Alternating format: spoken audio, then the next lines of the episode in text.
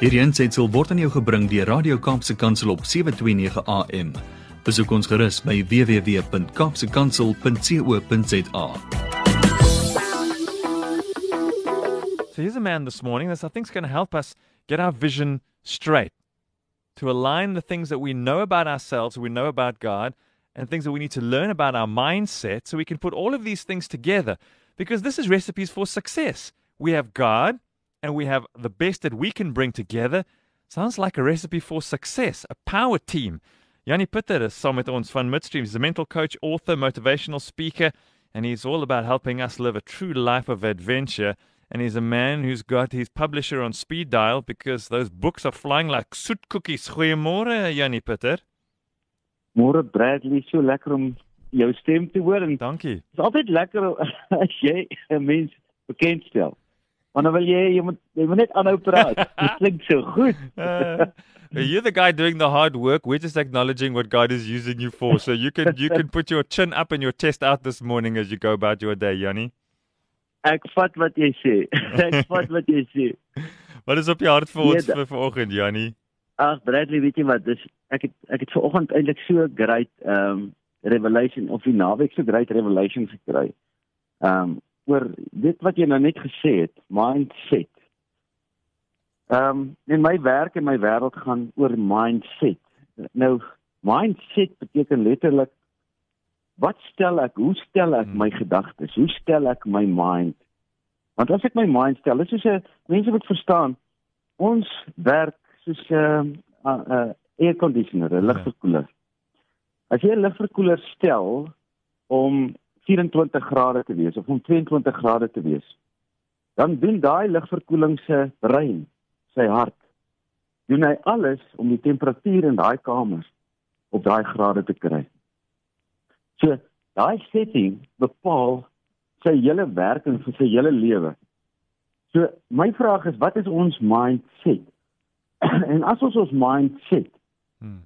Wat gebeur met ons hele lewe en die mense om ons? Alles wat ons gaan alles doen om dit te kry sodat dit wat ons glo waar geword waar word. Hmm.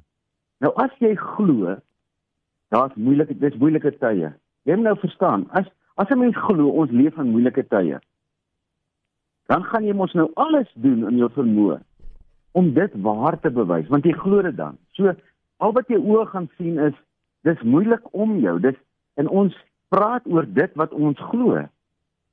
So ons gaan nou al daai goed om ons reg kry om te sê eerlikheid ons is de mekaar en die wêreld is de mekaar en en voordat ons oë uitvee, leef ons in presies dit wat ons die hele tyd geglo het en wat ons sê.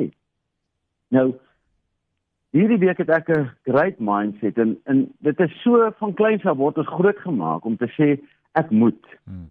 Ehm um, hoeveel mense sit nou daar in hulle karre en sê ek moet my mind change. Ek moet my mindset change. Ek moet anders dink oor hierdie wêreld. Ek moet nader aan God kom. Ek moet Hoeveel van ons praat die woordjie moet? Nou, jy moet nou Ja. verstaan. Die woordjie moet het niks met 'n hart uit te waai nie. Dit het uit te waai met gedagtes en breindenke. En in hierdie nuwe boek van my wat ek nou sy titel is actually wen 'n hart. Gaan dit juist daaroor dat 'n mens met jou hart moet begin ehm um, lewe. In die Bybel staan daar baie geskryf bewaak jou hart want daaruit is die oorsprong van jou lewe. Hmm. My vraag vandag is wat is in ons harte? Moet ons dinge doen? Moet ons cope met hierdie wêreld? Moet ons leer? Moet ons goeie punte kry? Moet ons oefen?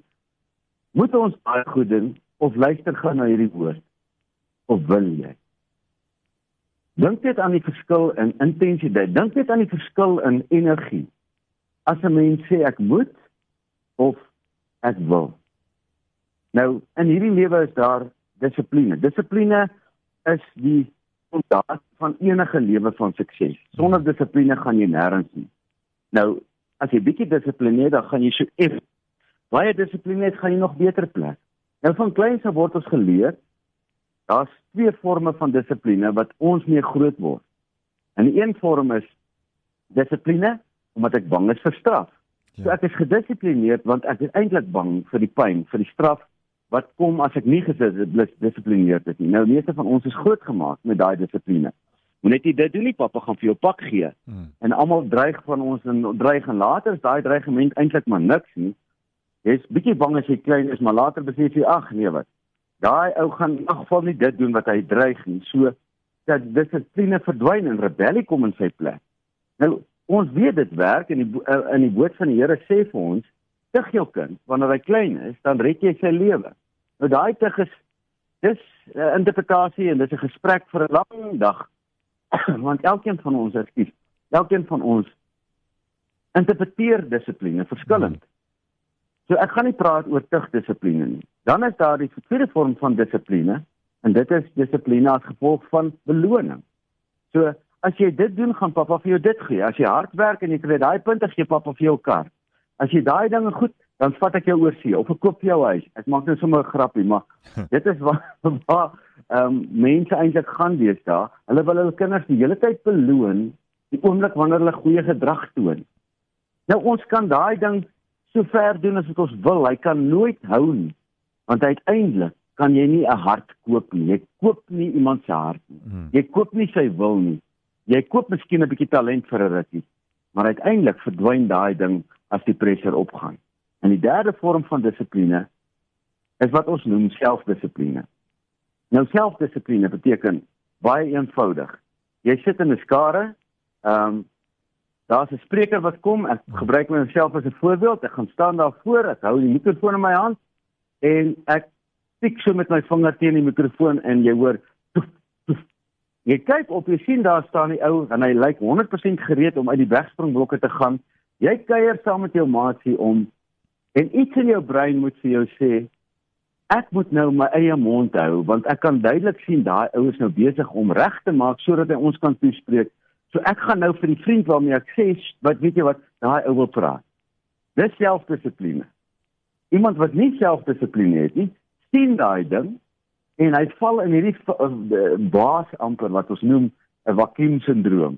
Dis dis daar's niks nie. Ja. Waar hy sê Ag man, weet jy as al die ander aanhou praat, moet ek ook seker maar aanhou praat. Ek sien daai ou wil praat, maar niemand het vir my gesê ek moet uh, my mond hou nie. En so gaan die gepraat aan tot iemand vir jou moet sê, "Hey, shut up." Dan jy nie sien daai ou wil nou praat nie. En dan uh, bly jy stil want jy's nou uh, gemaan. Dis nie status nie. Dis dissipline as gevolg van iemand wat dit vir jou toegepas het. Nou julle kan mense kan laat gaan die situasie.